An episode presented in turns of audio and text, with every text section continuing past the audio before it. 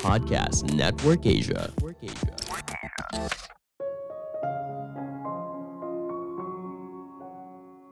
Apa yang awalnya dilihat sebagai tantangan, ternyata merupakan batu pijakan untuk kesuksesan di masa depan. Halo semuanya, nama saya Michael. Selamat datang di podcast saya, Sikutu Buku. Kali ini saya akan bahas buku The Obstacle is the Way karya Ryan Holiday.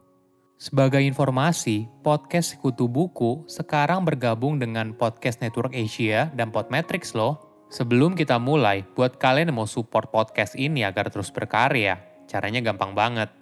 Kalian cukup klik follow. Dukungan kalian membantu banget supaya kita bisa rutin posting dan bersama-sama belajar di podcast ini. Buku ini membahas cara mengubah tantangan menjadi sebuah kesuksesan.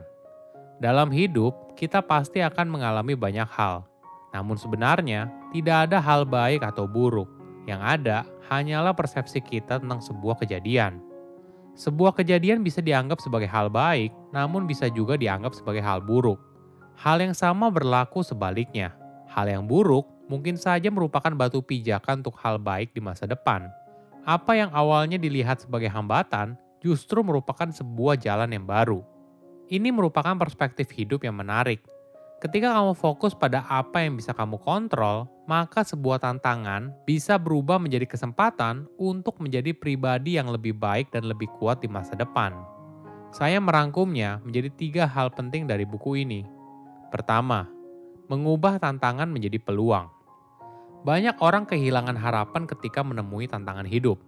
Bagi mereka, tantangan tersebut artinya mereka harus pindah jalur atau bahkan berhenti namun, orang yang berhasil melewati tantangan hidup akan keluar menjadi manusia yang hebat. Hal ini tentu saja tidak mudah. Kalau kita mau jujur, banyak dari kita merasa tidak berdaya. Apa pun tujuan yang kita inginkan, pasti ada tantangan hidup yang buat kita jadi down. Tidak peduli seberapa kuat diri kita, perasaan ini pasti pernah kita alami. Kamu tahu apa yang harus kamu lakukan, tapi seakan-akan ada musuh yang tidak terlihat yang menahan dirimu kita kecewa atas pekerjaan kita sekarang, hubungan percintaan, hingga tempat kita di dunia. Kita ingin mengubahnya, tapi selalu ada halangan.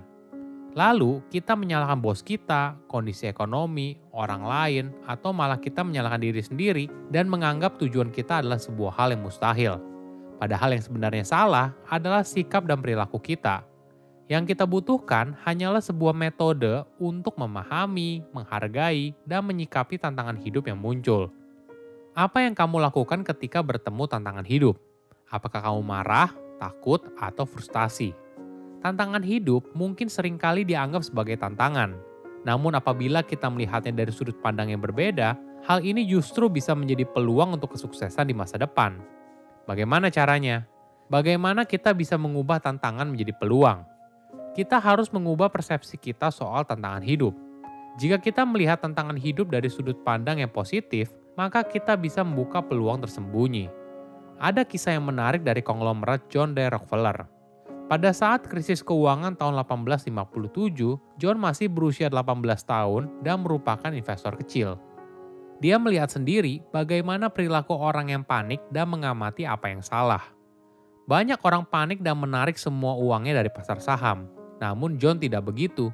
Dengan menganalisis tantangan yaitu sebuah krisis dari sudut pandang yang berbeda, John tetap tenang, disiplin, dan berusaha objektif dalam melihat sebuah keadaan. Hingga akhirnya menemukan peluang untuk berinvestasi di industri minyak.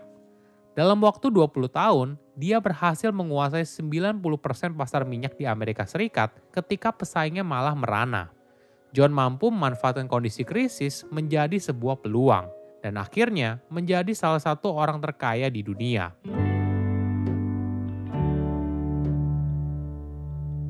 Kedua, tindakan untuk mengubah hidup. Jika kamu tidak bahagia dengan hidupmu sekarang, maka kamu perlu mengambil sebuah tindakan. Tadi kita sudah melihat bagaimana pentingnya mengubah persepsi dalam hidup seseorang. Namun, dalam menghadapi tantangan hidup, kita butuh disiplin untuk terus melakukan hal yang tepat hingga akhirnya tantangan itu bisa kita lewati. Ada kisah yang menarik dari Demosthenes, seorang orator terbesar pada zaman Athena kuno. Demosthenes kecil dikenal sebagai anak yang sakit-sakitan dan lemah karena punya hambatan bicara.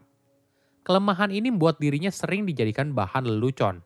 Pada usianya tujuh tahun, ayahnya meninggal dan warisan keluarganya dicuri oleh walinya. Di tengah semua tantangan hidup yang dialaminya, Demosthenes tidak menyerah dan berusaha untuk menaklukkan tantangan tersebut. Untuk mengatasi gangguan bicara, dia berlatih berbicara dengan mulut penuh kerikil atau sambil berlari di lereng yang curam. Alih-alih pergi untuk bermain, Demosthenes mengunci diri di bawah tanah untuk belajar hukum secara otodidak. Akhirnya, dia berhasil memenangkan gugatan terhadap walinya, memenangkan kembali apa yang tersisa dari warisannya, dan kemudian menjadi orator yang hebat. Ketika diperlakukan dengan buruk dalam hidup, Demosthenes tidak menyerah dan memilih untuk mengambil tindakan serta mengubah tantangan menjadi kekuatan. Kalau kamu ingin sukses, kamu harus menekankan kepada dirimu kalau kamu tidak akan berhenti ketika menemui kegagalan. Ingatkan dirimu tentang ungkapan dari Epictetus, yaitu bertahan dan melawan. Bertahanlah dalam upaya menuju sukses. Tahan dirimu untuk menyerah pada gangguan, keputusasaan, atau kekacauan. Kamu fokus untuk jangka panjang, tidak seperti orang lain yang hanya ingin kepuasan jangka pendek. Tentu saja, dalam perjalanan wajar saja kalau kamu kecewa, tapi jangan berhenti. Fokus pada setiap momen dan prosesnya secara keseluruhan.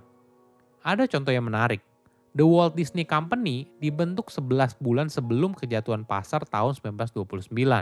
Dan perusahaan IT Hewlett Packard dibentuk selama depresi hebat pada tahun 1935 Kedua perusahaan ini berhasil karena tidak membiarkan krisis ekonomi mempengaruhi atas apa yang mereka kerjakan sehari-hari. Alih-alih berkonsentrasi pada tujuan besar untuk sukses di masa krisis ekonomi, mereka malah fokus pada saat ini, bukan hambatan di sekitar mereka. Selangkah demi selangkah, mereka tumbuh menjadi perusahaan besar yang kita kenal sekarang. Ketiga, kehebatan dari kemauan kuat. Tadi kita sudah membahas, untuk mengubah persepsi, kamu perlu disiplin pada tindakan, dan yang terakhir adalah kemauan kuat. Seperti pepatah Haiti, di balik gunung ada lebih banyak gunung. Seseorang tidak mengatasi rintangan untuk menjalani hidup tanpa rintangan. Sebaliknya, semakin banyak yang kamu capai, semakin banyak hal yang akan menghalangi dirimu. Namun, di balik tantangan yang besar, ternyata tersimpan kelemahan yang besar. Ada contoh yang menarik dari Mahatma Gandhi saat berada dalam jajahan Inggris. Gandhi tahu kalau dirinya tidak bisa menantang pemerintahan militer Inggris dalam konflik secara langsung. Jadi, dia memutuskan untuk menggunakan tindakan non-kekerasan dan simbolis untuk menunjukkan betapa tidak adilnya hal itu.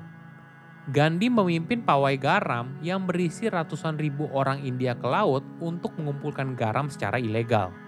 Kekuatan besar kerajaan Inggris adalah monopoli kekerasannya. Dan dengan menantangnya tanpa kekerasan, dia mampu menunjukkan betapa lemahnya kerajaan itu sebenarnya. Jangan biarkan kondisi sekitar menentukan hidup kita seperti apa. Dengan persepsi positif, disiplin dalam bertindak, dan kemauan yang kuat, maka niscaya kita akan mengalahkan tantangan berat dalam hidup. Saya undur diri, jangan lupa follow podcast Sikutu Buku. Bye-bye. Pandangan dan opini yang disampaikan oleh kreator podcast, host, dan tamu tidak mencerminkan kebijakan resmi dan bagian dari podcast Network Asia. Setiap konten yang disampaikan mereka di dalam podcast adalah opini mereka sendiri dan tidak bermaksud untuk merugikan agama, grup etnik, perkumpulan, organisasi, perusahaan, perorangan, atau siapa pun dan apa pun.